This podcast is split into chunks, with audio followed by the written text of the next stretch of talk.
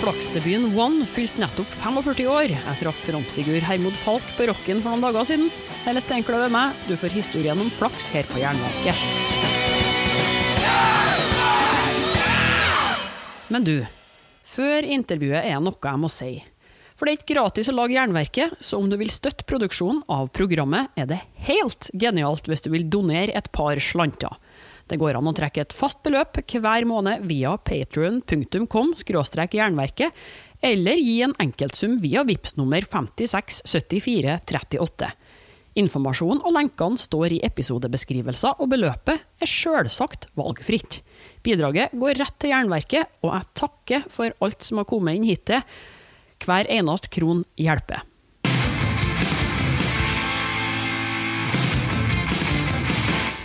Virker bra. Du har da snakka i mikrofon før, du. Eller skrekket i mikrofon, kanskje. Jeg har vel det. ja, sitter sammen eh, sjølveste Hermod Falk. God dag. Hei, hei, hei, hei. Eh, hvordan er formen eh, nå etter snart et år med stengt samfunn? Ja, nei, formen og formen Vi sitter jo mye i, i fengsel om dagen. Kåtid fengsel. Ikke så mye å gjøre. Vi har drista oss ut i dag, da. Sett på ja, rocken her. Det, ja da. Må jo det, vet du. Ja, med et glass brus og Ja. Hva sa du? Med et glass brus og Ja, et glass brus det går jo helt fint. Jeg trenger ikke å drikke øl hele tiden. Nei. Det går jo ikke an heller, det. nei, det gjør ikke uansett, det. Så, um... Vi har til og med ikke økonomi for det heller. Nei. Ja, vi har jo eh, snakka litt frem og tilbake i det siste, for uh, jeg har lagt merke til den uh, veldig aktive flaksgruppa di på Facebook. Så tenkte jeg det at flaks har ikke jeg snakka med ennå. Så jeg prøver å få en Hermod i tale, og det var ikke noe vanskelig.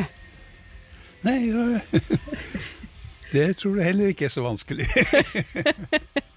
Nei, for, for, der legger du ut nesten hver dag et eller annet om bandet flaks, og der var du frontfigur. Ja, to-tre ganger i uka. Jeg har to min private eh, Facebook-konto, så har jeg én for eh, gruppa. Eh, og jeg har mye materiale.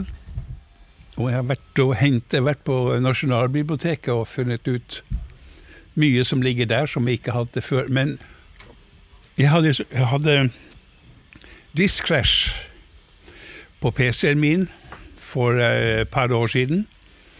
Og da forsvant veldig mye. Jeg hadde jo ikke backup. og da måtte jeg ha hjelp fra eh, bassist Jørund Bøgeberg, for han har eh, mye rart liggende.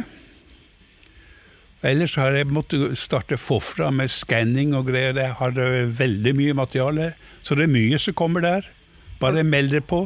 Har du backup nå, da? Eh, ja. Man lærer den tunge veien, vet du. Ja. Men vi, vi, vi, må nå gå tilbake til starten og, og, si hva flaks er. For det kan jo hende at det er en eh, del som utrolig nok ikke har fått med seg hvordan band herre var. Starta opp i 72? 71. 71. Ja, det mhm. sier Vi starta i 71. Ja, Første konserten var kanskje allerede i 71 òg? Ja, vi startet på sommeren 71. Og da startet vi opp som et uh, coverband med plukket låter fra eksempel um, Ja Mountain, jeg vet ikke om det, hvor godt kjent det er. Men det var liksom den harde fra den harde siden. altså Det ble mer metal. Men vi spilte aldri Led Zeppelin-låter eller sånn, sånne ting. Mer ukjente låter som vi covret. Og etter hvert så begynte vi å skrive eget materiale. Og vi har jo hatt mange personer innom bandet, bl.a. den berømmelige Hans Rotmo i Vømmøl. Han var med et, ja, vel et år eller noe sånt. Han spilte bass og fele. Men Stemmer det at de i starten hadde blåserekke med dere? Litt sånn ja, vi hadde blåserekke også helt i startfasen. Hvorfor kutta de ut dem, da? Ja, men det var jo det tida det var det har med tidsånden å gjøre, vil jeg anta.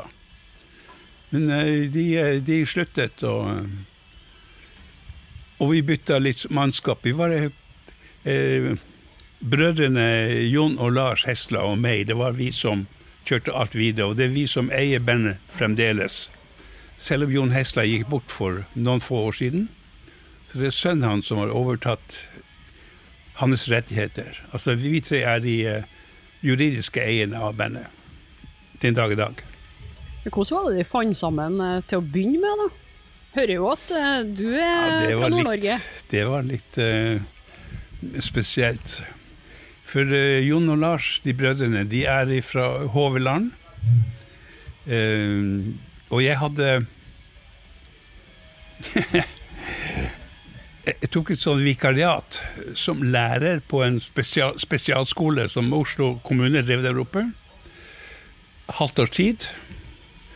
Og da var det de fleste som jobbet der i uh, de var tilreisende eller kom utenfra. Så vi hadde var hybelhus og leiligheter, og der var det mye fest og greier.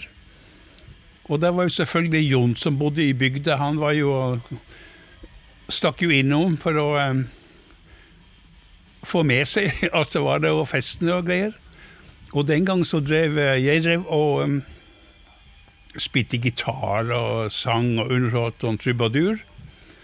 Det var mye og reiste rundt i Europa sammen med én eller to personer til. Du kunne være borte opptil to-tre måneder. Og noen ganger har vi mer penger da vi kom tilbake enn da vi dro. Men så var vi desto mer syk. Og vi hadde også nede i Frankrike, i Biscayabukta, da hadde vi en dansk manager.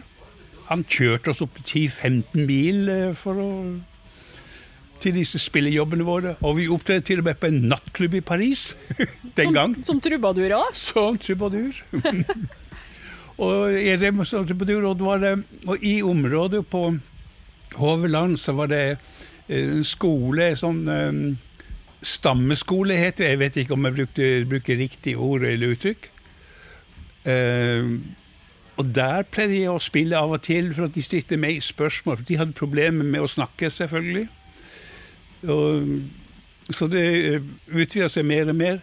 Og jeg var et halvt år, som sagt. Men så forsvant jeg, og så var det Jon og Lars, brødrene, drev og lette etter meg i Oslo, for de hadde jo ikke noe telefon selvfølgelig den gangen. Så fant de meg på Sound City, et av klubbstedene som er selvfølgelig borte for lenge siden nå, i, i Oslo sentrum. Det var et ganske tøft uh, utested med konsertsted. Over fem etasjer i gamle dager i Skippergata. Stilig. Ja. Og da gjorde vi avtaler, og så begynte vi å, å prøve å spille sammen. Sånn starta vi opp, og det var sommeren 71. Men eh, det var jo da eh, Det var jo ikke et fullt band sånn sett, for det var vokal og gitar eh, og keyboard. Ja, okay. så, men så kom det da, da de kom inn med blåserekka og de ja. lokale folkene på Håveland. Mm. Det var lokale folk der oppe som også var med i Ble dratt inn i bandet. Vi øvde mye der oppe. Annet på en nedlagt skole og noe sånne ting, før vi var hjemme hos foreldrene til Jon også og øvde der. Så det var mange reiser mellom Oslo og Håveland. 12-13 mil eller noe sånt. Kronglete veier. Men da lokka vel studentlivet etter hvert eh, kanskje òg, da. For begynte jo å flytte til Oslo etter hvert, hele gjengen. og Lars, Lars bodde i Oslo. Og Jon, øh, Jon han øh, bodde delvis i Oslo. Men han hadde jo en gård som han holdt på å overta. Og de hadde korn. De hadde ikke dyr, men de hadde korn og skog. Så det var i sånne sesonger øh, Han drev jordbruket eller gården. Men han bodde mye i Oslo. Så vi øvde også selvfølgelig i Oslo, men det var veldig greit å, å reise opp dit. Og de hadde jo foreldre som var helt fantastiske. For, så der kunne, vi, der kunne vi spille, øve i kjelleren. Jeg kunne bare tenke meg hvor høyt det var. At de godtok det. Ja, Det var ikke eh, hele foreldrestanden som var så forståelsesfull for uh, hardrockere på den tida der? Eh, nei. Nei. Det var så, såpass, såpass høyt det der at eh, Men, men hva var det som sparka dere i retning av hardrock? da? De var jo fryktelig tidlig ute der, i norsk sammenheng eh, i hvert fall. vi var vel kanskje Etter hvert da vi begynte å skrive eget materiale, så var vi kanskje de som var Det var mange, mange heavy rockband i Oslo, men Men vi ble mer kjent enn dem, for å si det sånn. Klart å gi ut plate og sånn, ja det var Nei, ikke så mange som vi, gjorde. vi hadde første plate i 76. Men uh, materialet skrev vi da i 74 og 75. Og vi var jo såpass heldige at vi gjorde et sånt gjorde et uh, liveopptak i NRK, halvtime eller tre kvarter hva det var, som heter Ørevibratoren. Uh, og det var jo bare én kanal i Norge. Det var én TV-kanal og én radiokanal. Og, og det ørevibratoret det ble, ble sendt på, på eh, søndag ettermiddag. Og alle i Norge som i musikk, satt jo og hørte der. Og der gjorde vi liveopptak. Og det var Aunt Mary og det var forskjellige av de største bandene, som, norske band som spilte der. Og så klarte vi å komme oss inn der på en eller annen måte. Og da ble vi hørt av eh, Fonogram, plateselskapet. Og da begynte det å tulle på seg, unna for unna. Um, og vi fikk beskjed om bare å gå i Scannac studio og lage LP. Og, eh, og, og de dytta oss på Vertico-labelen. Er jo helt utrolig. Vi var et av de første bandene utenfor eh, Eller som ikke-britiske band utenfor, eh, utenfor UK som kom der. Og da kom vi plutselig på samme selskap som Black Sabbath og Thin Lizzie og osv. osv. Og det ble jo eh, Og alt som kom kommet ut der, ble samleobjekter verden rundt. Så vi var jo veldig heldige der. Jeg vet at uh, Aunt Mary var også der, og, og på slutten av 80-tallet så var Backstreet Girls hadde utgi, utgivelse der. Så uh, vi hadde faktisk en singel også fra 78, da vi startet opp uh, del to av Flaks. Og den er listet på Det er ikke mange singlene som Vertico har utgitt. Så det var jo litt artig, da. Ja, det er stas. Ja. Men hvordan jobba de med musikken, da? Jeg forsto det jo som at um, de måtte hyre inn eh, tekstforfatterhjelp uh, utdannet, f.eks. Hva sa du? jeg forsto det som at de hyra inn uh, tekstforfatter for å få engelsken rett. Nei da. Var en venn av meg som eh, Han har eh, en britisk venn. Han er mor fra Norge. Han tok, eh, leste norsk på Universitetet i Oslo. Og han skrev eh, mye av tekstene mine, og så var det flere venner av meg som hjalp meg, for det var litt sånn eh, Følte meg ikke stødig nok. Men eh, Erik Wilcock het han, eh, engelskmann som eh, gikk bort for et par år siden. Og vi har vært eh, Hele livet hans har vi vært nære venner.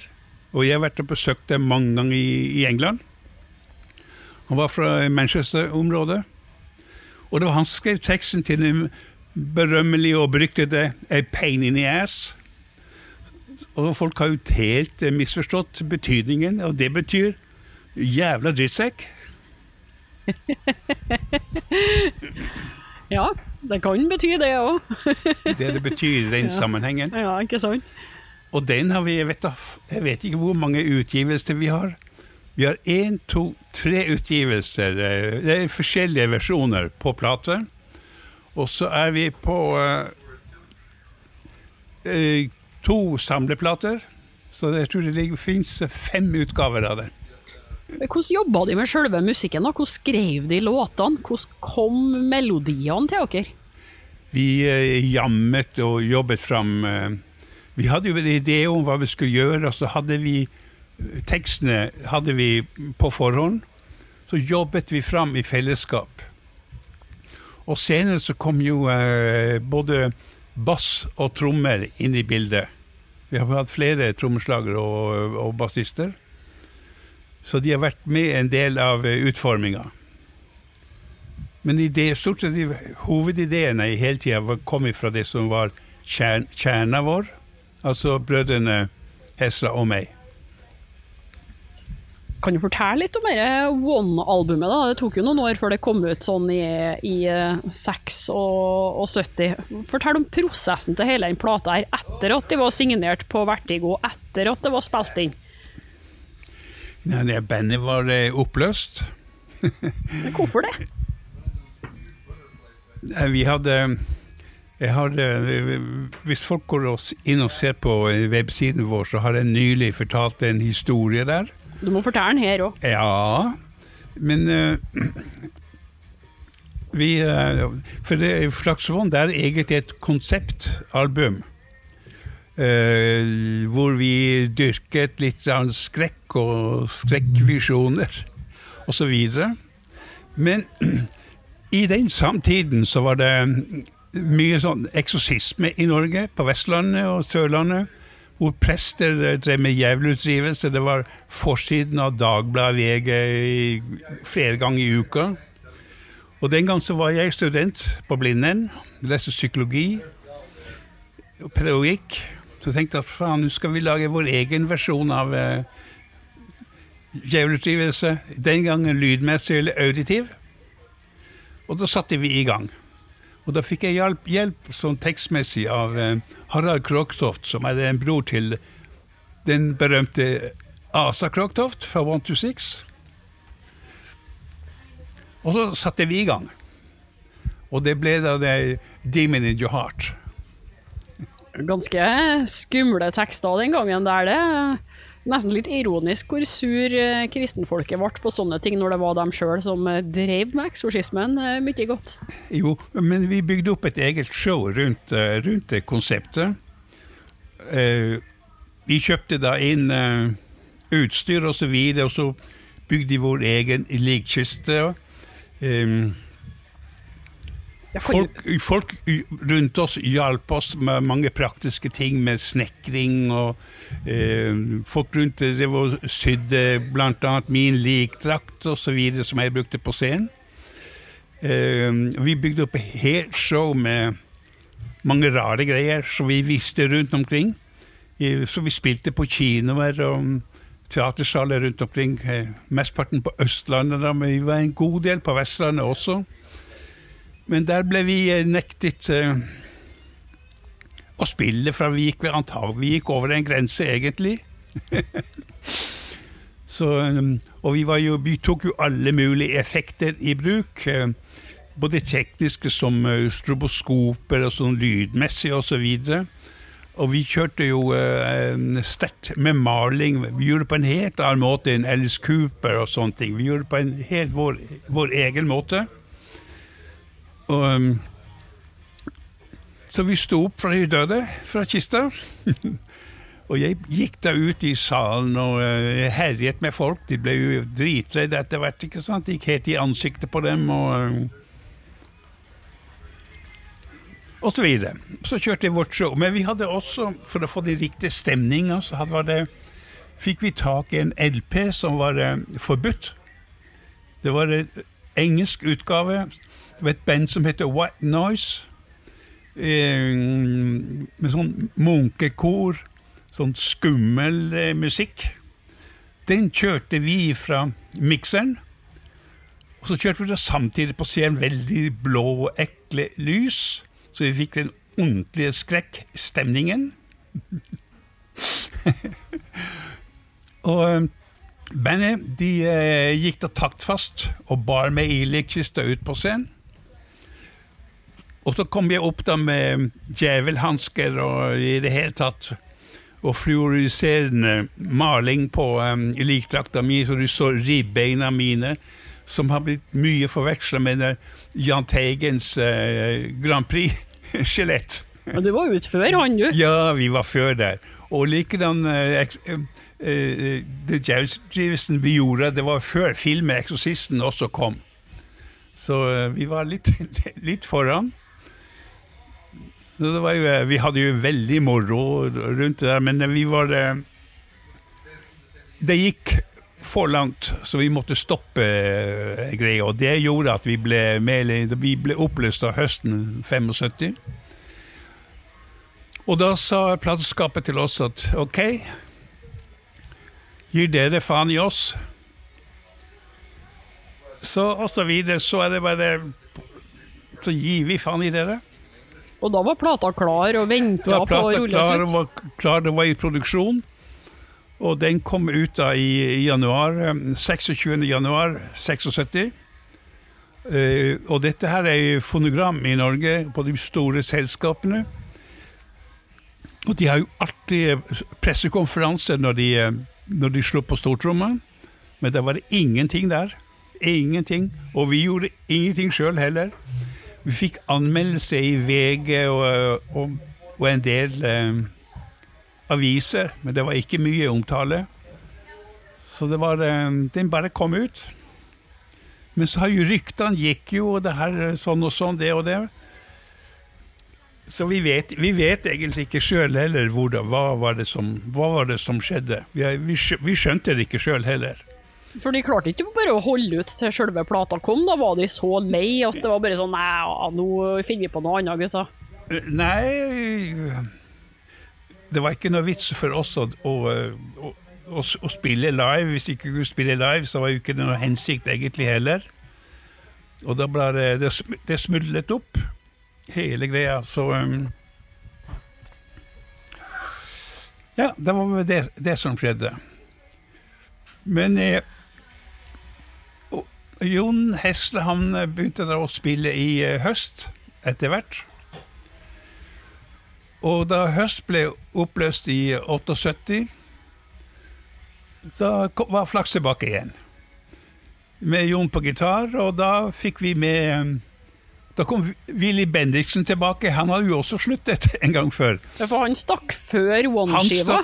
han, ville, han fikk ikke lov av et band å um, Han ville sjøl spille trommene på um, For han har vært med å utvikle mange av låtene på Flaksvann. Men han uh, fikk ikke lov av det nye bandet å uh, gå i studio sammen med oss. Men i 78 så var han tilbake, og så har vi fikk en ny bassist, Jørund Bøgeberg. Og det kaller vi for del to av Flaks. Og da var det helt annen type musikk og Og da gjorde vi eh, Vi kom med en sing- Vi hadde fire låter. Og, og så lagde vi en ny versjon av Pain in the Ass som kom på singel. Var glad i den låta. Ja. Og, den, og som sagt, den ble utgitt av Vertigo også, faktisk. Og i 1980 så kom LP nummer to, Monster Tapes. Jeg må nesten fortelle om litt bak der, for at eh, Ja, kan ikke bare fortelle rekkefølgen her.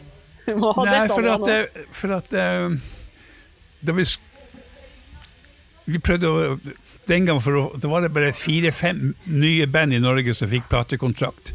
Som fikk utgi, utgitt plater. Det er ikke som nå at alle, alle utgir. Um, og den gang så var Arne Bendiksen Records var en av de store her. Og jeg husker veldig godt. Vi, eh, vi var en av de tre bandene som skulle få kontrakt. Det var eh, Vesterfrikk, og det var Flaks. Og så var det Saturday Cowboys.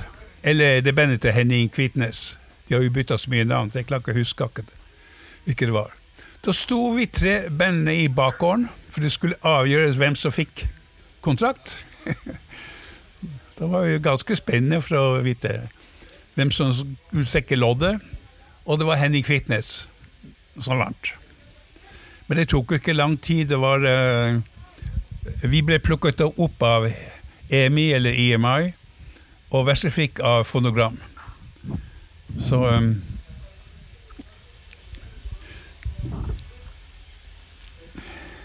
Da gikk det jo godt lell, da. Ja, ja, ja. Jo, men vi var jo Vi spilte jo på alle festivaler, vi spilte jo på alle større ting. Og da vi alle var jo av de større bandene den gangen. Så um, Og vi var veldig aktive på konserter. Vi, vi turnerte og arrangerte konserter sjøl, og vi var på turneer og um, Veldig aktive. Du sa at Flaks eh, sin musikk endra seg da for eh, Flaks 2. Hva, Ja. hva besto den endringa i? Ja, gud. eh, Ja, det, har, det, har jeg, det har jeg også lurt på. Ja, det er egentlig synd at vi gjorde den forandringa. Nei, det har med, det har med de Også med tida å gjøre. Vi ville liksom kanskje ta litt avstand fra, fra Flaks igjen. Ikke jeg, men de andre i bandet.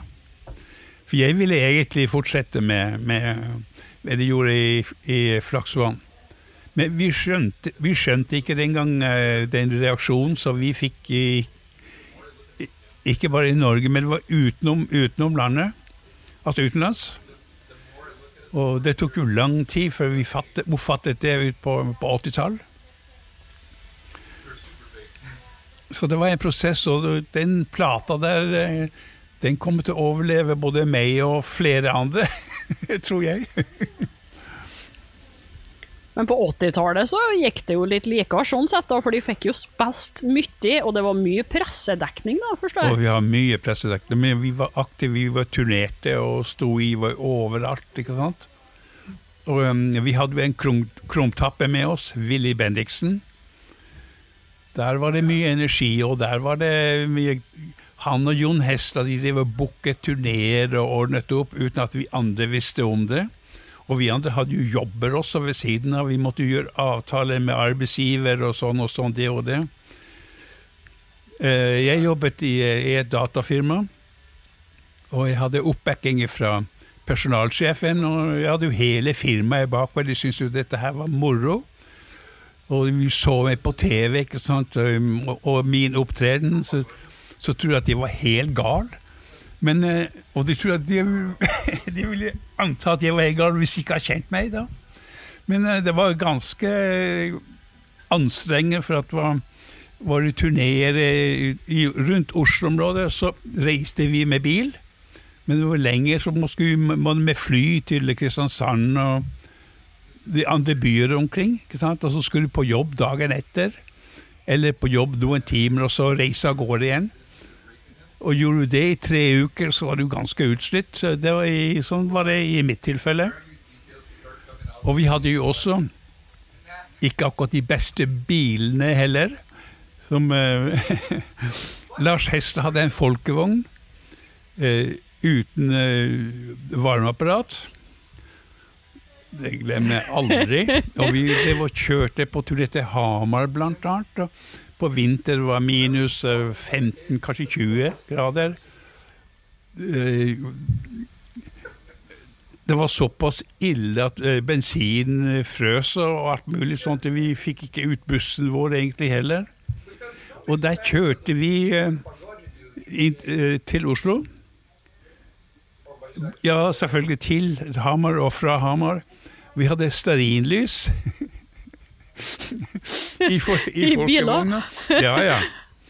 Og eh, så var vi på jobb, ikke sant, og så var av gårde igjen, og skulle vi spille i en annen by, Lillehammer, eller dagen etter, eller noe sånt. Så det fram og tilbake, så det var ganske anstrengende. anstrengende. Og vi holdt på i tre uker, så var du helt utslitt. Kjør. ja. Harde tider. Jeg synes Det høres ut som det bestandig var vinter òg, når bandene var på turné på 70- og 80-tallet i Norge. Jeg har hørt samme fra høst og fra folk. Var bestandig iskaldt. Aldri noe varme i biler. Jo, men den gangen så var det, det var ikke så godt organisert som det er i dag. Eh, jeg har jo vært på turné nå de siste, ja, siste to-tre årene. Og jeg, eh, jeg har vært borte fra scenen veldig lenge. Men jeg er imponert over hvor profesjonelt og hvor flotte steder som er rundt i hele Norge. Fantastisk. Og i gamle dager, da var det ikke det. Det var det var helt forferdelige forhold, rett og slett. Men vi spilte i kinoer og teatersaler. Der var det selvfølgelig ordentlige forhold med, med toaletter og sånne ting. For det var vi avhengig av, for vi brukte mye sminke som skulle, som vi skulle ha av oss. Fjerne etter konsertene. Det hendte at jeg kom på jobb også med sminke i ansiktet. Vi har ikke fått, ikke fått bort alt sammen en gang. Men det var jo helt greit, det. Det var bra Gerne Hermod som kom.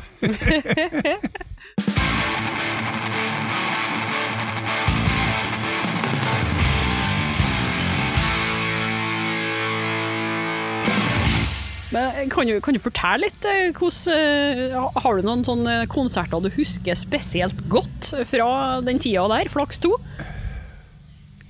Jeg husker vel egentlig, ja Altså Flaks 2 så brukte vi ikke, det var Flaks 1 vi brukte, vi brukte eh, sminke.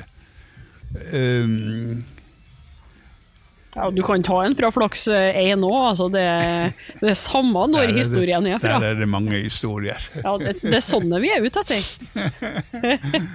Ja, du ler, ja. Det, da, um, da Jon, Jon Hesla, gitarist og flettist, levde, så vi, vi lo jo mye. Vi satt jo og mimret over eh, eh, turneer og gamle ting, og vi lo og koste oss, ikke sant? Eh, Det kan skje nå også, for det er alltid noen som husker eh, ting. Jeg ser jo nå når jeg, når jeg driver denne flaks-sida på Facebook, eller gruppa på Facebook Det er jo en lukket gruppe, privat gruppe. Og da kommer det folk som har bilder ifra Ja, jeg vet ikke, fra eh, 73 og fra mange år tilbake. Stille opp med bilder med dato, når det var, og hvor hen. Så jeg ble helt overrasket. Jeg hadde nettopp noe ifra Jeg vet ikke hva. Blinken i Moss, eller noe sånt. Det er jo fortsatt eh, aktivt. Hva? Blinken er jo fortsatt aktivt. Ja, ja, ja, jeg har ikke vært der, men uh, vi, spiller, vi spiller nå på større, større steder nå, vet du. Det Med Wild Willies. Det var eller, Willis Gang, ja. Ja. ja. Og da har vi kjørt et konsept da med, med ø, de originale ø, vokalistene. Og også i de band som Willy Bendiksen har ø, spilt sammen med, og dermed meg fra Flaks. Så er det Gudny Aspås fra Rufus. Og så er det Bente Småvik fra Perfect Crime. Og Blond on Blond, som er ø, også gamle bil- bandet til Willy Bendiksen.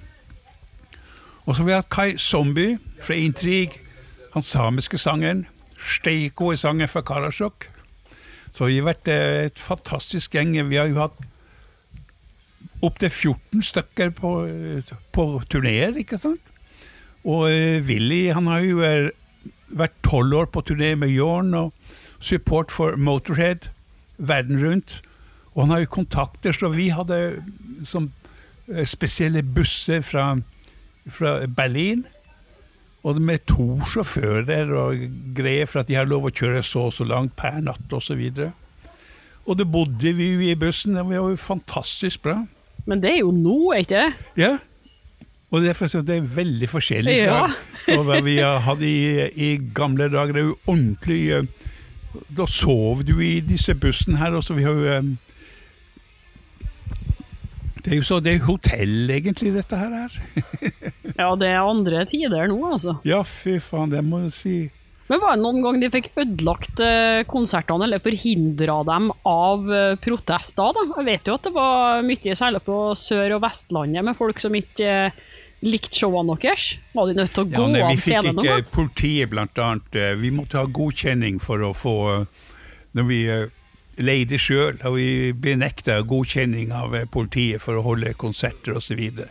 Det var mye bråk rundt det. Jeg kan huske vi var faktisk opp til Førde og eh, oppover der, og vi- vi kom opp dit. Det var alt. eh, Det var benekt alt. Vi benektet, så var det bare å snu og komme og reise tilbake til Oslo. Store utgifter.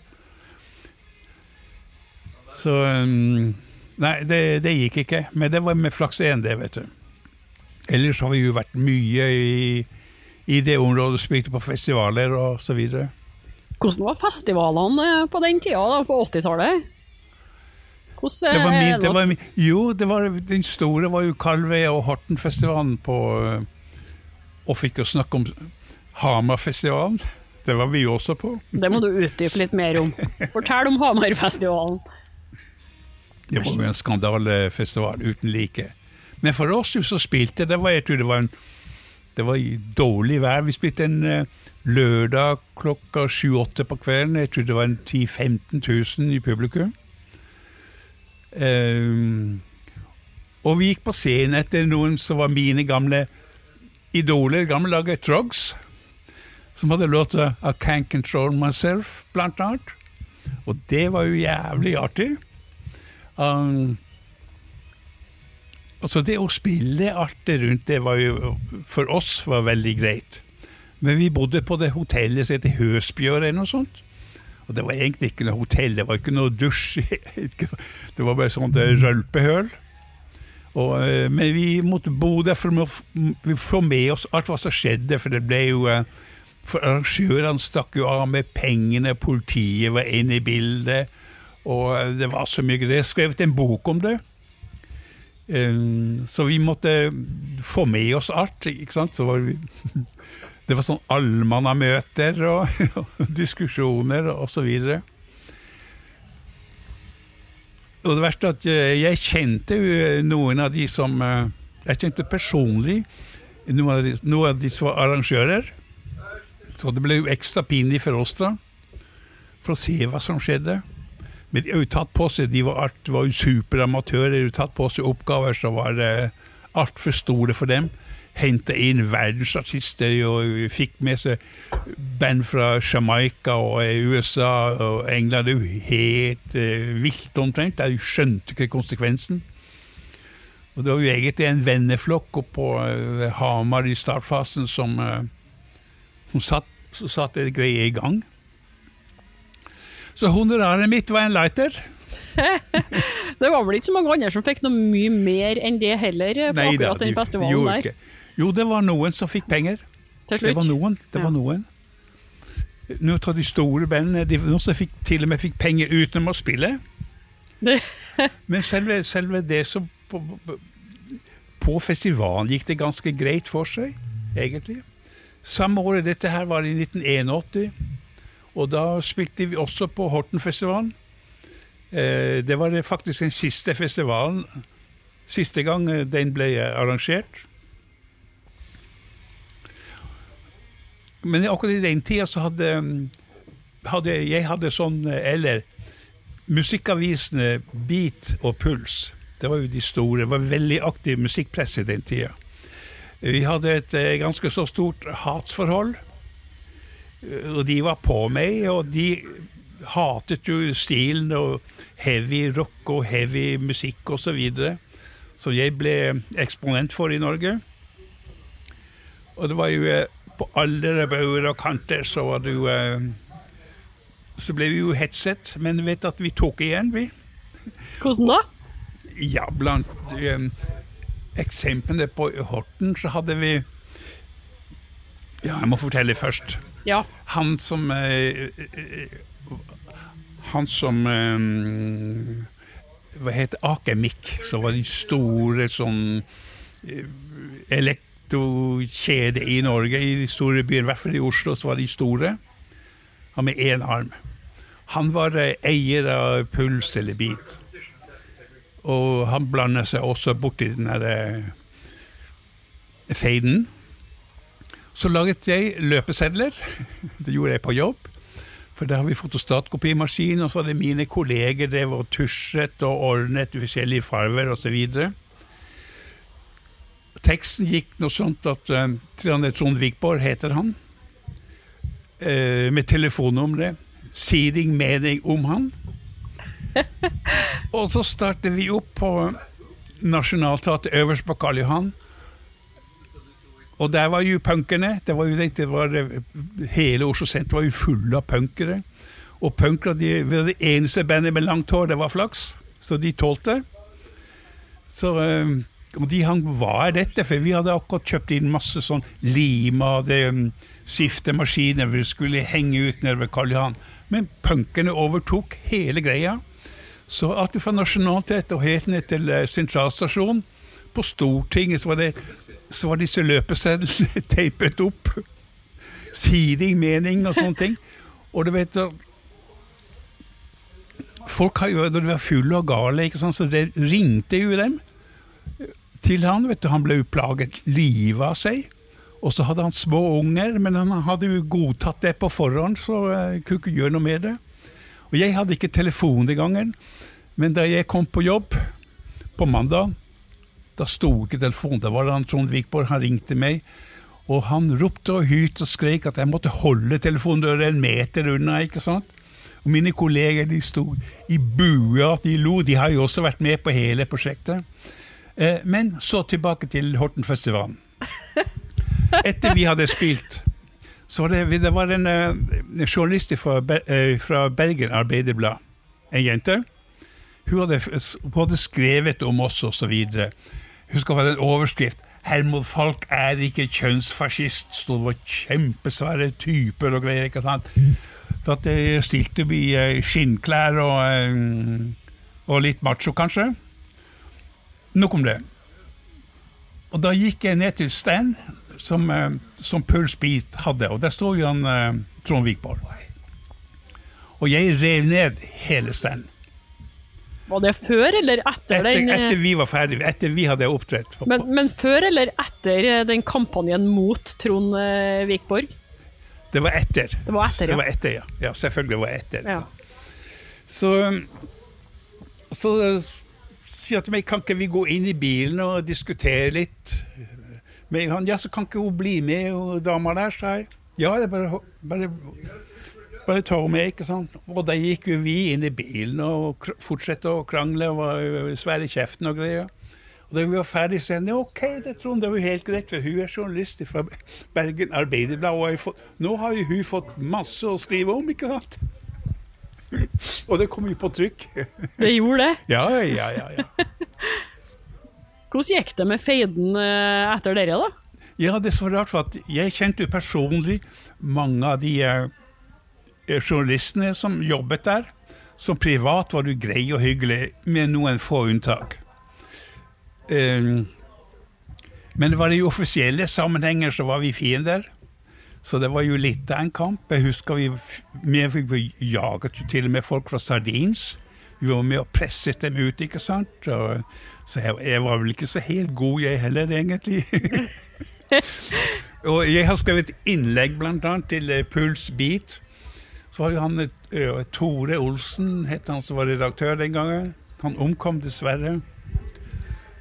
Og han var en fyr med litt ironi og så videre. Men uh, jeg hadde skrevet brev inn til uh, Pulsbeat.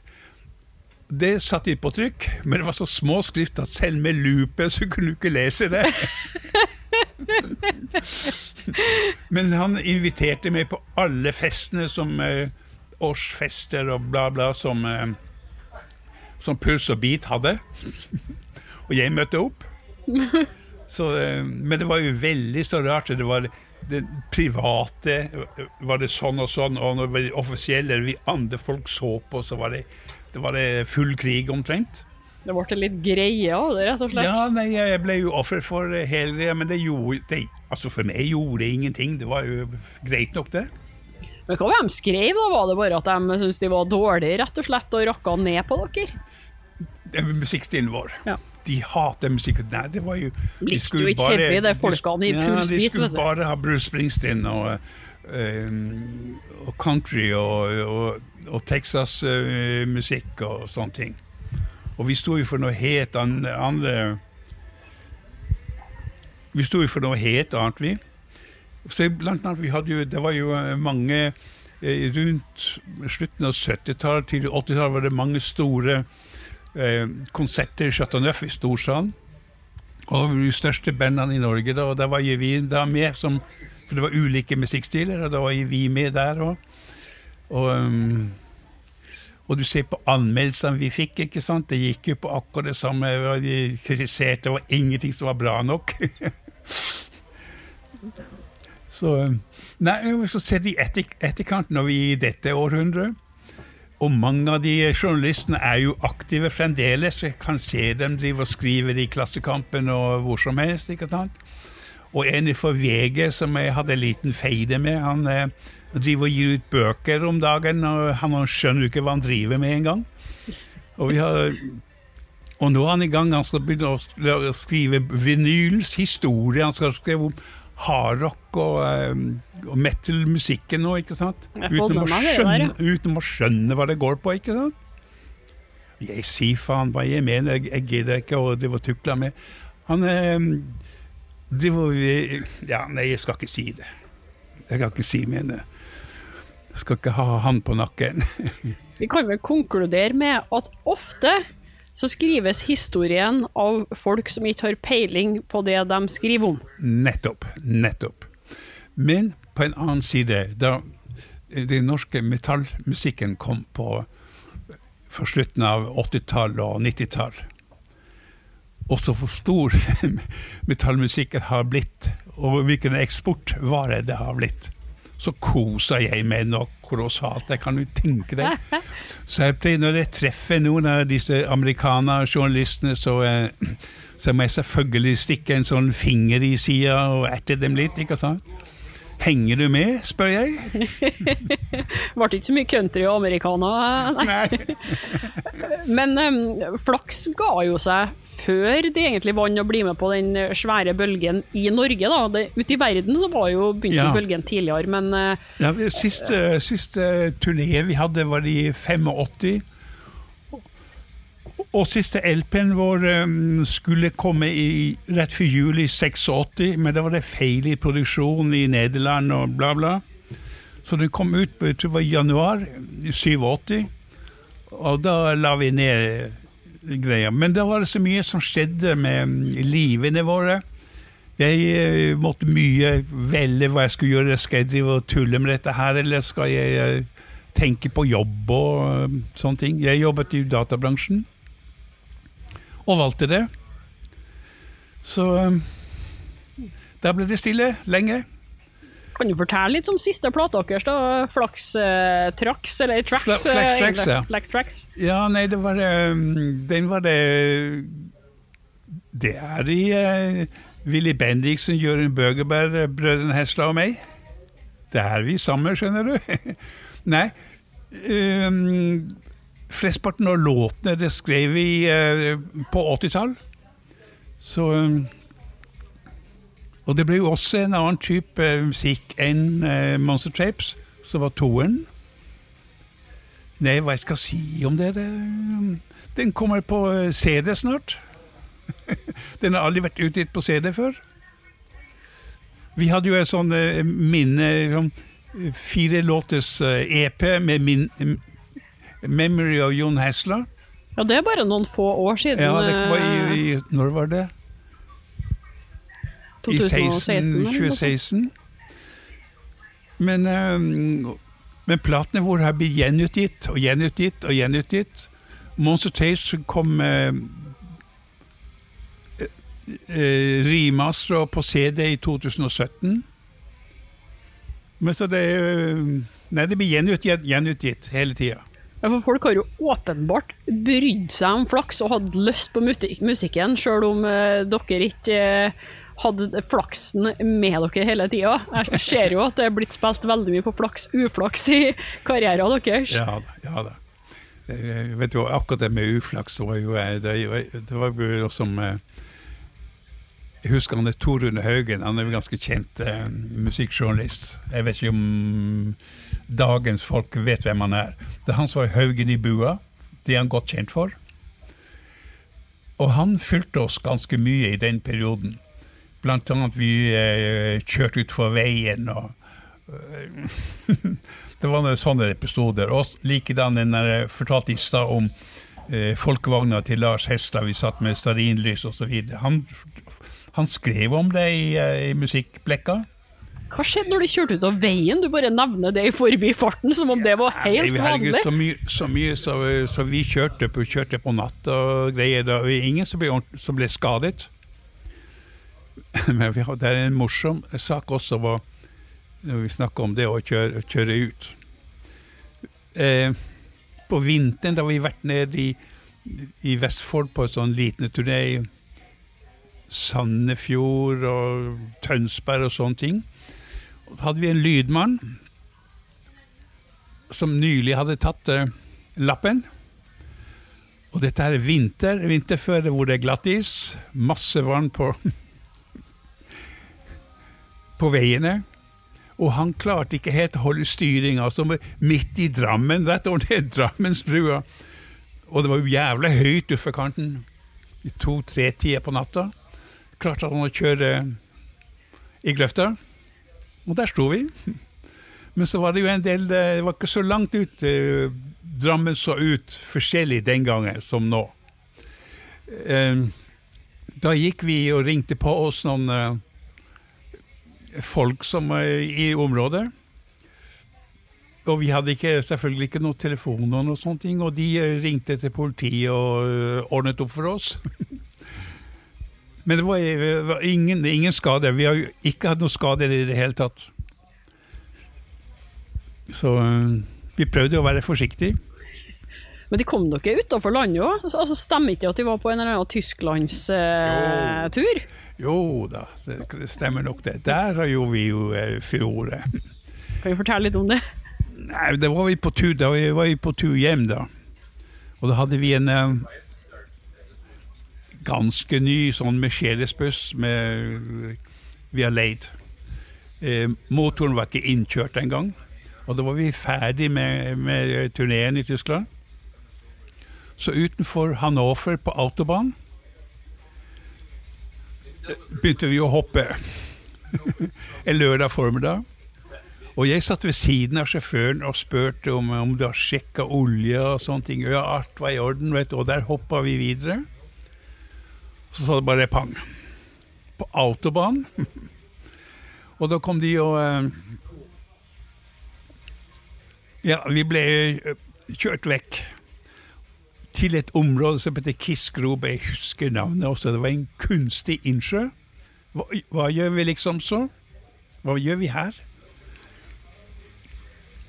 Ja, og så titter jeg oss rundt. Det er jo en liten sånn landsby ikke så langt unna, som vi prøver å finne ut hvor vi var hen, ikke sant? Og vi gikk bort dit. Der var det et hotell og kafeer og greier, og hele der byen hadde jo visst om det, hadde jo hørt og alt hva som skjedde med oss. Der var det en gammel horemamma fra Hamburg som drev hotell, hun og sønn. Så vi ble veldig godt kjent med. Og ja, dere kunne jo komme og spille her, ikke sant? Da kafeen og da ordna de med bil og kjørte utstyret eh, vårt dit, og da spilte vi hver kveld på det diskoteket der. Og um, jeg husker at Tyskland, altså. skinn, skinnet, skinnet på skarptromma det- trommisen var jo gått i stykker. Vi hadde ikke ekstra skinn, så han slo bare på kanten. Og eh, dette her ble jo jævlig populært. Det var stunta folk, og folk kom jo rett ut, uten utkanten av Hannover. Men de kom fra Hannover for å komme på de konsertene våre hver kveld. Og vi bodde flytta inn, så vi bodde gratis på hotellet. Men det ble jo selvfølgelig en del eh, fester og, og greier rundt det der. Så, eh, så horemammaen, hun, eh, hun elska jo oss. Men så ble hun sint når, var, når vi var, ble for fulle. Så hun låste døra. En episode det glemmer jeg bare aldri. De var klatre opp takrenner for å komme inn og sånne ting. Så var det en av gutta som eh, skulle prøve akkurat det samme med tresko på seg. Og dette her var gl sånn glass rett over inngangsdøra. Og plutselig så eh, Og jeg sto igjen der. Jeg var jo helt edru. Og de andre Jeg har vært på et annet sted, for jeg var i en by som heter Valsråde, sammen med en tysk menneske som heter Å, jeg skal ikke si navnet. Eh, så jeg har ikke vært med på de festen som resten av de gutta der.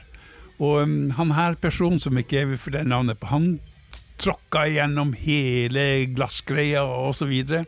Tok det ikke lang tid før vår eh, horemamma kom ut og kjefta og sto i. Og, men så visste jeg at de guttene har jo hatt fest på hotellet. De har jo rulla opp eh, eh, langs korridoren alle matter og hva det var for noe. ting. Det var eh, Dørene sto oppe osv. Og, så og det endte opp med at jeg fikk all kjeften. Nei.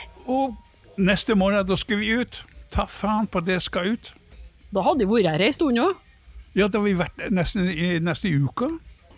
Og, men så hadde hun sånn dagskafé hvor som åpna klokka seks om morgenen. Og da har jo et par av guttene har jo vært nede og øh, drukket kaffe, for de pleide å få suppe og sånne ting. Du. Men hun likte dem så jævlig godt, vet du. Så der satt de og blinka til hun dama her og greier å stå i.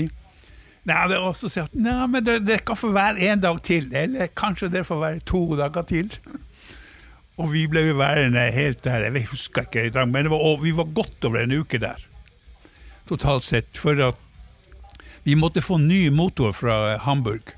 Så kom han eieren fra, fra Oslo, eier av eh, bilen, kom ned for å rydde opp. Så det var litt av et opplegg. Og så var vi i Hamburg Nei, det skal jeg ikke fortelle. Var i Hamburg etterpå. jo. nei da, det var, neida, det var, det var gøyalt. Vi hadde også spilt på, på uh, amerikanske baser i gamle Vest-Tyskland. Og det var litt av et kapittel for seg.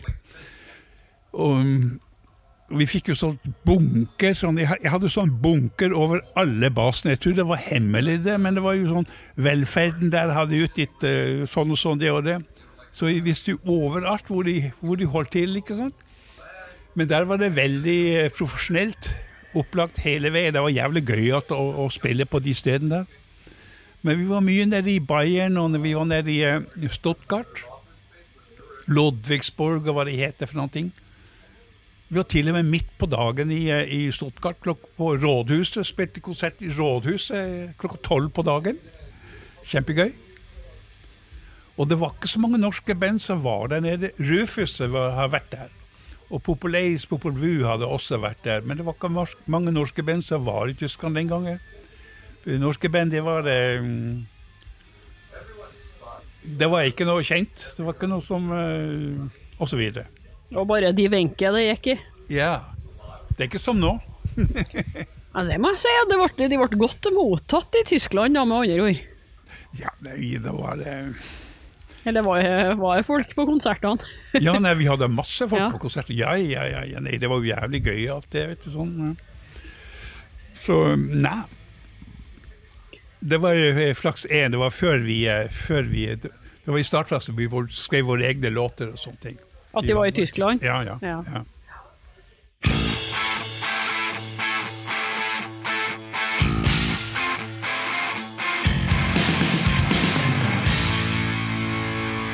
Men altså, etter eh, Vi hopper jo litt frem og tilbake i tid her, men det har jo ikke noe å si, for det er sånn de gode historiene eh, kommer, vet du.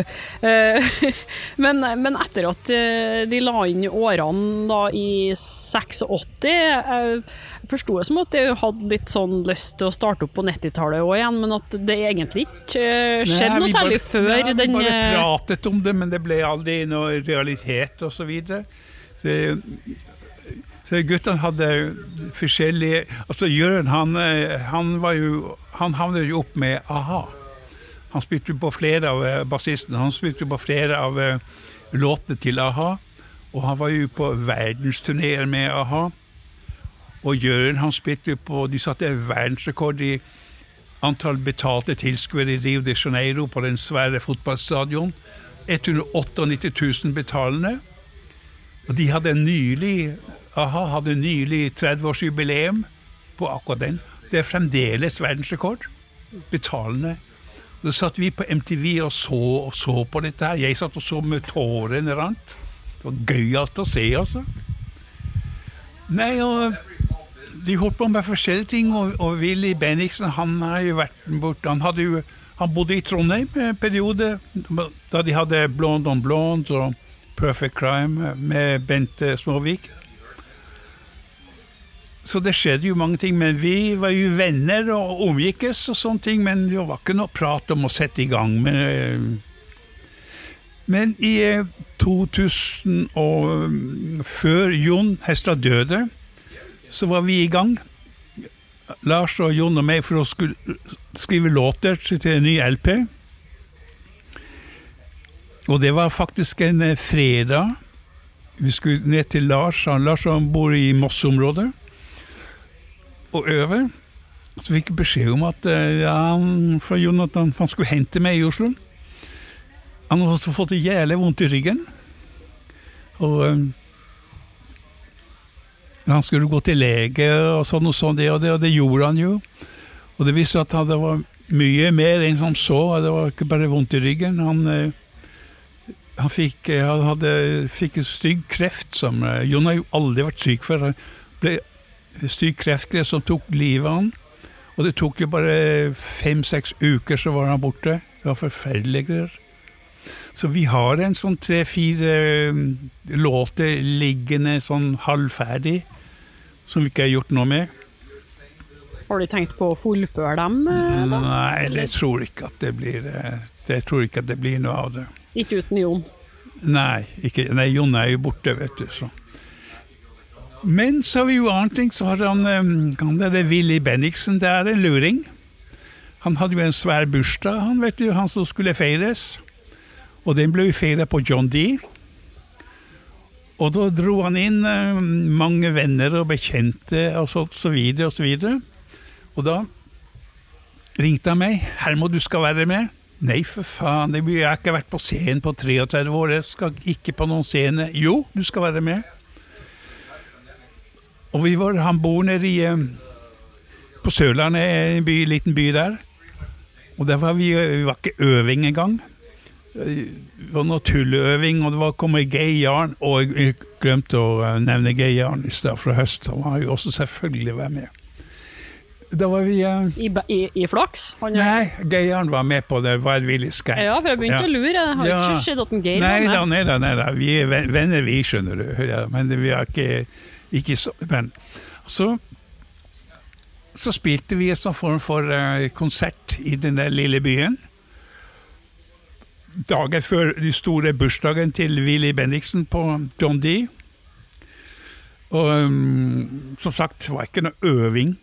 Og du skulle plutselig bli dytta på scenen med så mye folk og greier. ikke sant? Det var jo det var jo det var helt for jævlig, men eh, det var gøyalt samtidig. Det lukta sagmuggen da. Jo, men man husker jo litt de gamle triksene og sånne ting, selv om uh, Kråsen var litt sånn eh, Ikke er som den var den gangen. De høye tonene var, de var forsvunnet. og, og så det, ble det liksom med det, men så skjedde det plutselig noen ting at eh, her skulle det skje ting. Og det ble jaggu lagd opp planlagt turné og greier med, med Geir Jarn og med Gudny og med meg og med Bente og hele greia. Da skulle vi jo ut på turné, og vi havnet på turné i tolv dager. Det var litt av en overgang for meg, dette her. Ja, for Så- du var den eneste som ikke har vært aktiv musiker, egentlig, da, Ja. de siste 30 årene. Ja, Resten ja, jeg der var- har jo eh, Ja, jeg var jo den eneste som ikke har vært aktiv. Men det, det skjedde jo øh, Det var jævlig artig, skjønner du. Med blod på tann. Så, øh, og så tullet på seg, ikke sant. Så da vi, vært, vi var jo på flere turneer rundt omkring. Så øh, Helt til det kulminerte med Vi var på Norway Rock Festival i 2019. Og da Og ja, da gikk vi på scenen rett etter gitaristen i Motorhead. Du verden. Willy Bennison kjente jo han veldig godt. eh, Han hadde jo backstage Backstage hadde han sånn hotelt. Vi hadde telt rett ved siden av hverandre. Så um, Jeg vet hvem er gitaristen i Motorhead? Ja da, jeg har snakka med han òg. ja. Og, han var værsjuk den dagen, for å si det sånn. Ja. Han har jo eh, sine eh, sønner Hva kaller de bandet for det? Er den er Bastard Sons. Bastard Sons, Ja, ja, ja, ja, ja, ja. ja. Så det var jo jævlig artig, ikke sant? Så eh, Ja, og der var jo Arch Enemy, og der var eh, mange av de uh, som jeg liker jævlig godt, ikke sant? Det var jo kjempegøy. Og eh, vi råkoser oss, vi, vet du. Kunne være med på noe sånt. Så eh, om det blir noe videre, eh, det vet jeg ikke. Så det gir jeg er ikke på det, jeg er bare med, jeg. Vi får se da, når eh, samfunnet åpner igjen, om eh, det frister å feire litt på tur igjen. Ja, men vi ga jo ut en, eh, en eh, dobbelt, eh, dobbelt album uh, live. Det er, på, det er bare på, på, utgitt på, på CD. Den kom eh, Nå var det i mai i fjor. Ja, apropos live, det skulle jo egentlig komme ei liveskive med flaks òg, som det ikke ble noen ting av. Kan du eh, utdype den historien litt? Ja, det var jo annonsert. Dagbladet, VG, alt mulig sånt. I Chateau i Storsalen. Eh, Det var hele Rosenborg studio. Eh, Deres utstyr var der, og så. Og det ble jo art skarse, det som går an å, å skjære seg, ikke sant. Eh, Da vi kom, skulle på scenen, så hadde arrangøren på Chateau Neuf De hadde senka gulvet. Så vi sånne eh, groper foran scenen, ikke sant. Og vi hadde jo alle våre kabler var jo teipa fast. Og alle de kontaktene ble jo dratt ut. Så var jo ikke lyd. Men så kom kom den store, det visste jo ikke vi. Willy Benningsen skulle gjøre skikkelig entré. Han tok tilfart. Med sprekking, Willy. Han tok tilfart, løpefart, over trommestolen og i bue over eh, trommesettet. Hvor man havnet ned i gropa eller ikke, det husker ikke Willy sjøl. Og det var ennå mange eh, diskusjoner rundt det. En roadie som vi hadde, som jobbet på scenen, han har, han har skrevet om greia på flakssiden, i flaksgruppa. Han mente at eh, Willy havnet ikke i gropa, og vi andre mener at han havnet i gropa. Men i hvert fall, han slo seg kolossalt. Willy han løper, det var jo fullpakket eh, Chateau Neuf, 1500-1600 mennesker. ikke sant? Løp imellom benkeradene og ned og der, der og så videre. Så skulle vi sette i gang, og så var det jo faen ikke noe lyd. Så um, det ødela hele greia for oss, ikke sant. Så, um, men, men. Det er ikke noe å gjøre med det.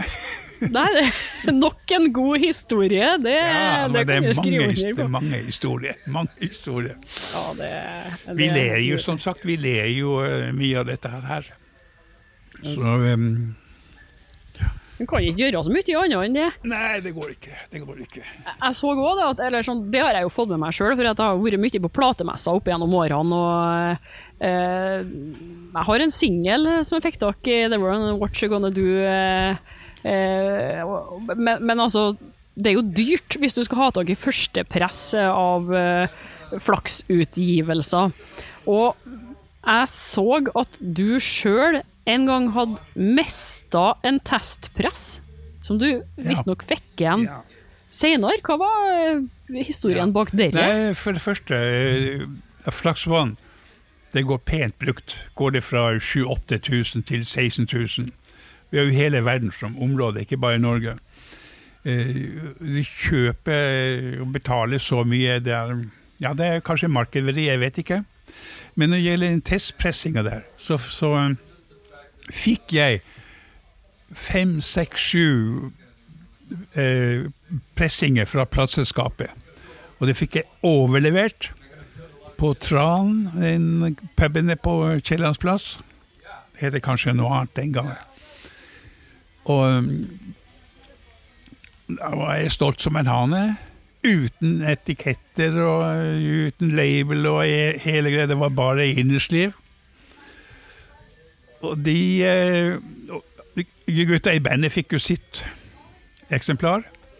Og jeg hadde et par stykker. Og jeg hadde en, eh, en stor leilighet jeg bodde inne i, eh, i Vika, eh, som eh, Jon og Lars og venner bodde der, og mm, de hadde jo fest mens jeg var borte. Når jeg var bortreist, som jeg var mye, jeg jobbet litt her og der og sånn, så eh, var jeg også antagelig blitt frista. Så stakk han med de testpressinga der. Så, men det var jo ikke noe å gjøre noe med det. Jeg mista jo også um, en del andre plater da. De um, dro med seg. Det var fest og folk på fulle og gale. Jeg vet ikke. Jeg var ikke der. Men så her for uh, noen få år siden så var det noen som hadde litt dårlig samvittighet. Tok kontakt med meg og sa at um, jeg gjorde en avtale, en deal. Hvis jeg holdt kjeften og ikke fortalte vennene våre, så skulle jeg få i hvert fall én av de tilbake. Sjenerøst. Ja, og jeg tør faktisk ikke å tenke på hvilken verdi når de andre går for Så først i går for mellom kanskje 10 000 og 16 000. Hva jeg kunne ha fått for den som er eh, Jeg har ikke testa ut eh. Men det er én ting jeg testet ut. Jeg fikk for Lemmy i Motorhead. Det er sånn Det var, for, det var for 81 Ace of Spades, den LP-en. Spilte med Motorhead, da? Med Motorhead, ja, Ja. så fikk jeg Lemmy. Jeg fikk sånn, vi har sånne eh, svart Hva heter det sånne Med plater og øl inni og videoer og presseskriv og eh, Og så bare sånn eh, reklamegreier. Ja, sånn ja. presseboks, på en måte, da. En bok, svær boks, ja. Den har jeg også dratt med meg i alle år etter hvor jeg har bodd osv. Så, videre. så så tenkte jeg at jeg skulle ta og sjekke ut på, på nettet på Facebook. Hva er den verdt? Og da skjedde det noe. Var det jævlig mange som tydeligvis var medlem av den gruppa der, som blanda seg inn på det ene og det andre måten. ikke sant? Det var vel 50-60-70 stykker som var blanda seg opp i det her. Så det ble jo noe helt annet. Men da fikk jeg eh, en del tilbud. Og jeg er faen ikke noen sånn eh, businessmann. Det har jeg aldri vært. Jeg tenkte at du skulle se på hva, slags eh, Ja, det var noen som fortalte hva markedsverdi sånn cirka kunne være. Ja, for det kan være mye på de gamle presseboksene, det, altså. Ja, og den var gitt ut i eh, 500 eksemplarer. Den norske utgaven. Og, og jeg solgte det. Jeg, vil, jeg kan ikke si jeg fikk veldig mye for det. det er, jeg skjemmes nesten omtrent. Fant du ut hva den var verdt siden, da? Ja, hva godt jeg vedkommende er jo mye lurere enn meg å selge den videre, selvfølgelig. Men det var noen andre som kom inn jeg ville, ville ha Etter jeg har gjort avtale med kjøper, som eh, ville betale mye mer. Men jeg har gjort avtale, så var jo den grei. Og vedkommende tok imot det, pakket fint og sånt, og sendte det i posten. Og jeg fikk beskjed om at alt var kommet fram, og alt var i orden, og takket for dealen. Så jeg har aldri vært solgt noen effekter eh, før, ikke sant? Kanskje jeg må begynne å gjøre det? Ja, det, hvis, hvis det skulle skorte på pensjon en dag, så er det bare å begynne å selge unna, ja. Ja. Eh, Nei, det, det Jør- Jørund Bøgberg- Jørund Bøgberg har- han, har, han har ett eksemplar. Det Det er flere som har prøvd å, å kjøpe den av Jørund, og den er ikke spilt. Det er pensjonen min, sier han. Det tror jeg er klokt. Det, det, det er hardt marked på dere der kan bli, sjø, så det Ja, ja, ja. Men det var eh, Den har jo vært hatt, eh, hatt når de høyeste sånn samleobjektverdier av norske utgivelser. Men, men det var et band fra Østfold som eh, eh, Gutta fra høst, Høstfolkene har vært med i tidligere. Det, hva heter det? Déjà vu? Nei. Eh, la- Nei, jeg husker ikke. Jeg, uh, Jeg tror de heter Déjà vu. ja. De har eh, De kom med en plate igjen, faktisk, snart. Og det er han Svein Rønning og de folkene i, i Fredrikstad Østfold. Og den har eh, Den er, er liksom høyest verdi nå, hørte jeg. Og nå har jeg vært i kontakt med de som får opp gjennom åra, med de, de som det, antikvariaten her i byen, og de som har stått messer og sånne ting. Vi har vært på lunsj på Aker Brygge og bla, bla med Tor Rune Haugen og sånne ting. De er ganske godt orientert om eh, markedspriser og verdier. Men det var et norsk band, et garasjeband fra 60-tallet som, som heter Firebeats Incorporated. De lå veldig høyt en periode, og vi lå rett, rett rundt der, så jeg på noen lister. Jeg vet ikke. Jeg har ikke tjent noe penger på det. Jeg har aldri tjent noe penger på dette her. Er ikke typisk? Ja.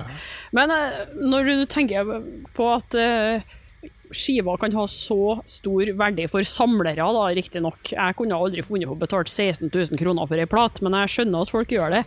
Da er det jo veldig fint at det kommer gjenutgivelser, og det har det jo kommet av flaks nå òg. Og gratulerer forresten med jubileum på One. Det er jo 45 år. eh. Ja, 45 år. Ja. Vi har 45 år. Og vi hadde jo eh, 40 år på Monster Tapes i, eh, i november. Ja, si takk, takk. 45 år på Ja, det er mange år, det. Det er jo fint at det går an for oss vanlige dødelige å få tak i ting. Og jeg har jo Jo, gjenutgivelser men den, er, kom, av den eh, kom ut i, eh, på CD i, i 1999, i 2005 og 2008. Og det kom på vinyl, som er, det kalles for Flux 2. På uh, Flux 1, 2 på Ja. samlemarkedet. Den kom i 2011. Ja, for den kjøpte jeg. Ja. Den eh, går ut, og den er, har jo helt vanlig, normal eh, verdi. Men jeg har klart å fylle ut. For vi jobbet lenge for å finne hvor stort volum det var. Og eh, jeg har svaret, men jeg vil ikke fortelle det her. Altså til sammen av alle Hvor mange kopier som ble- eh, som ble utgitt av førsteutgaven. ja, Ja. ja. Ja, det er kanskje greit å holde hemmelig, det. Eh, Ja, foreløpig gjør jeg fordi jeg har funnet ut av det. Jeg har det fra to, tre, fire kilder. Vi gikk jo på platested. Vi er eid av Vårne i dag, og de ante ikke. Eh, og de som hadde gitt ut på eh, Nei, unnskyld, ikke Warner. Det var det er Monster Tapes. det. De, er- Universal er det som er, er eier i dag. Gamle Vertigo. Hva? Du tenker på gamle Vertigo, er nå eid av eh, Ja, Ja. Ja, det er Universal som, eier, som eier det, ja. ja. Men det var ingen som eh, klarte å huske hvor stort volum det var. Men det har jeg klart å finne ut av, for, så jeg skal dokumentere det. Men det kommer på, i Flaksgruppa på Facebook. Den private. Det er bare å klikke på 'bli medlem', så går det greit. Det kommer vel strømmene til noen medlemmer eh, her, da. og dem som ikke orker å lese, de får høre på dette. Jo, men jeg driver og forteller, mm, som Jørund Bøgeberg sier, det er sånn han Herbert han driver og forteller sånne sanne røverhistorier der. Ja, Og det gjør jeg jo. det er jo det vi vil høre. Litt pynta på litt her og der, ikke sant. Det må jo Det er lov, det. Ja, det må være lov. Det I hvert fall i dette århundret. Ingen som Ja, nei, nå er det false news overalt, vet du. Og så har vi holdt på så lenge, så da er det også et uh, argument for det. Ingen som kan bevise at det ikke er sant, vet du. Eh, jeg har jo Det er jo så det er jo et vel å ta av med, med notater her av eh, ting de har gjort opp igjennom, og nå har vi nå bedre begynt å snakke en time og et kvarter òg, så det Oi. baller seg på her. Eh, men jeg så, for å ta også noe som er fra nyere tid, da, så nevnte du et eller annet eh, en gjettekonkurranse på NRK som het Popstock. Ja, jeg var på, jeg var på Hva slags rare greier var det? Nei, uh, Hermod var på utstilling. Det var i eh, 2012. Da ble jeg oppringt av eh, casting i NRK. De var så gjettekonkurranse. Og eh, da spilte de eh, Ja, jeg fikk lov å velge ut en eh, en låt som, som, eh, som NRK har gjort, og da valgte jeg ut Who Calls the Shots. Men så fikk jeg tildelt eh, tre skuespillere. Eh, profesjonelle skuespillere. Og de skulle være her mot folk. Og da fikk jeg et par timer med dem det å brife dem. Og, for skulle, jeg visste at det var, to grupper som skulle konkurrere og finne ut at hvem er av de som står på scenen nå, hvem er den vokalisten som synger på den låta Who the Shots? Og de, jeg har jo aldri sett disse mm, skuespillene før, og Når vi det var tulla og sånne ting, og fant ut at kanskje vi får spørsmål om det, spørsmål om sånn, og så, og så skulle de dekke meg. Og vi begge leide på scenen.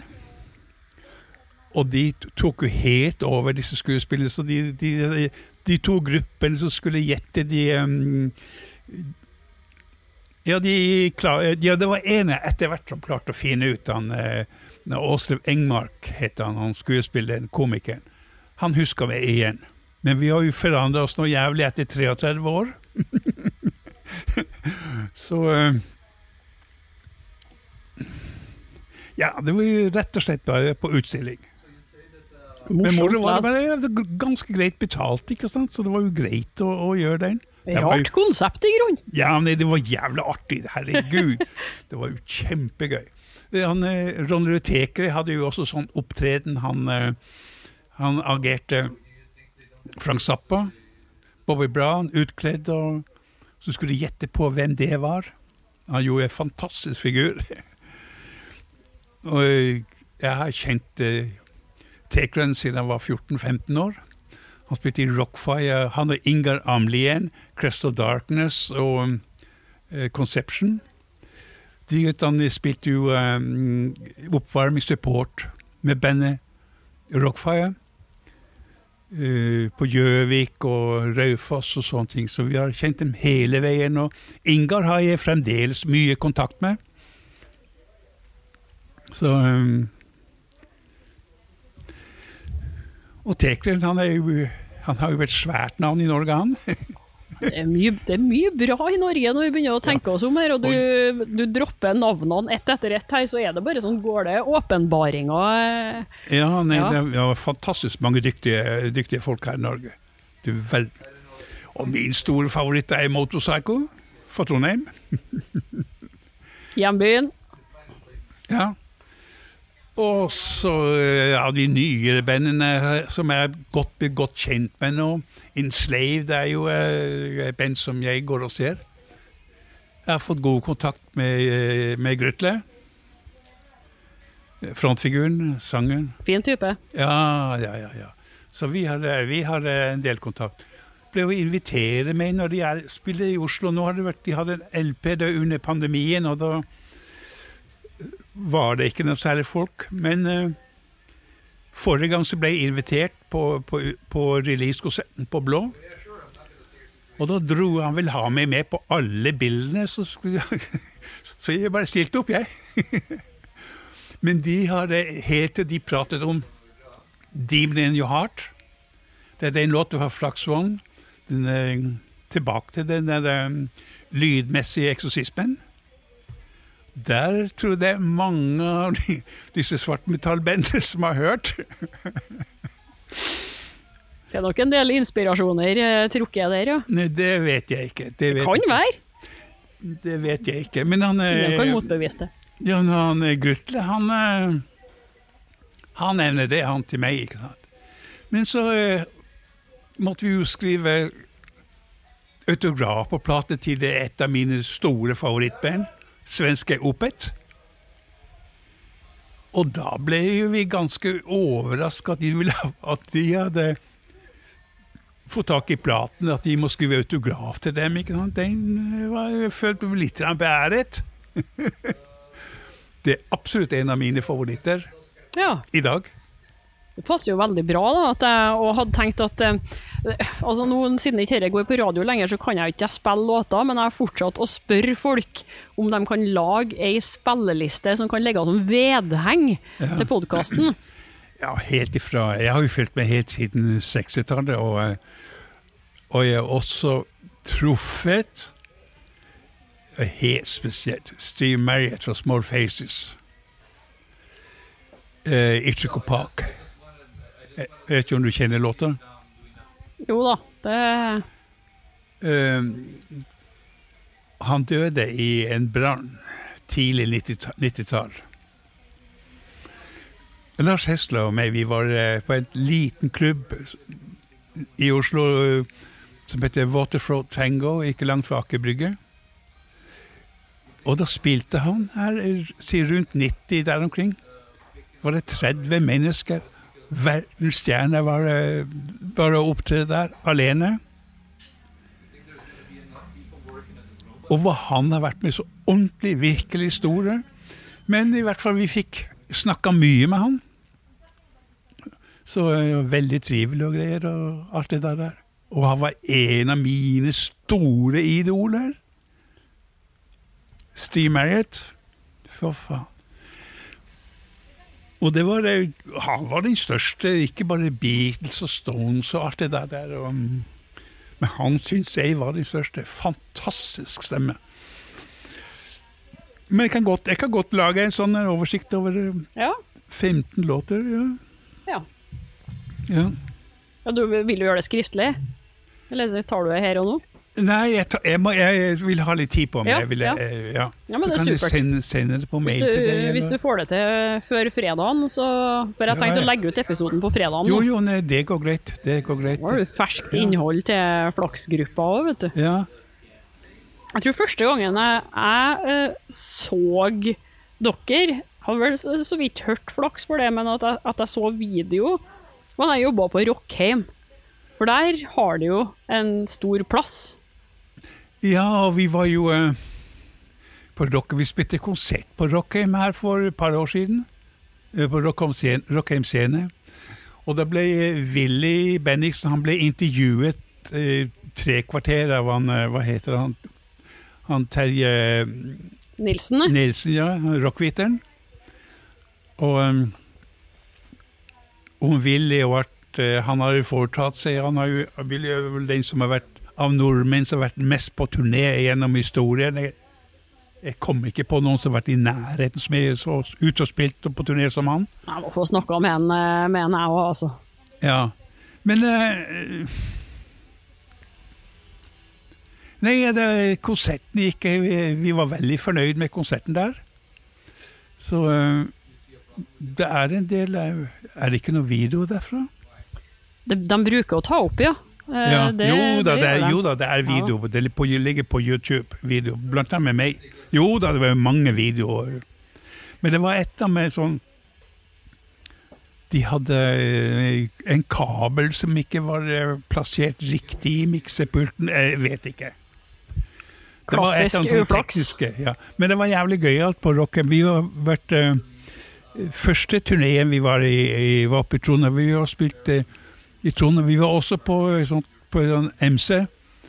Høstfest for noen MC-folk i Klæbu. Det var jævlig gøyalt. Det var vel 800, tror jeg.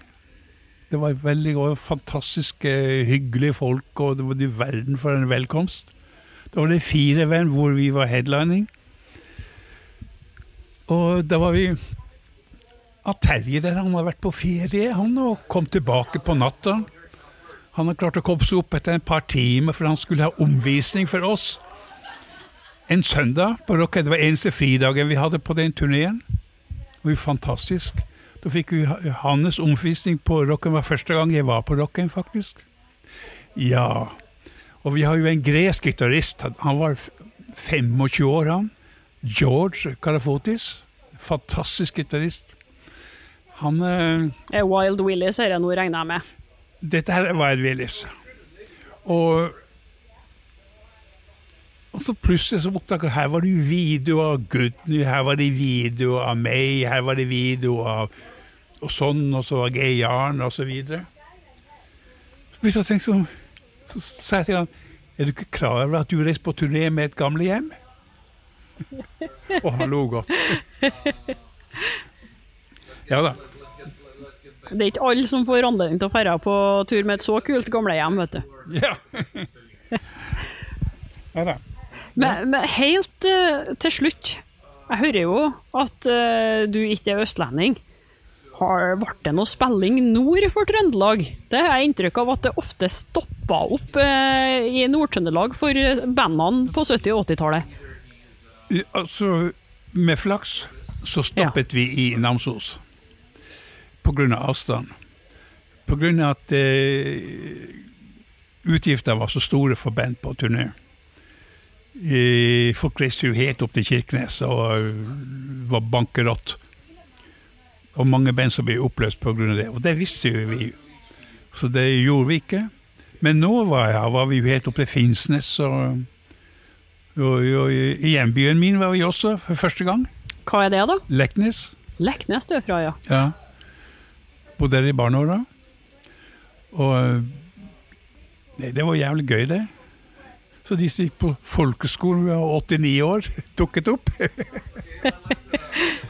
Nei, men eh, vi var eh, Og det var Vi hadde Det skulle Vi skulle videre et eller annet, men eh, Koronaen har jo kommet inn i bildet og ødelagt ganske mye, så jeg vet ikke.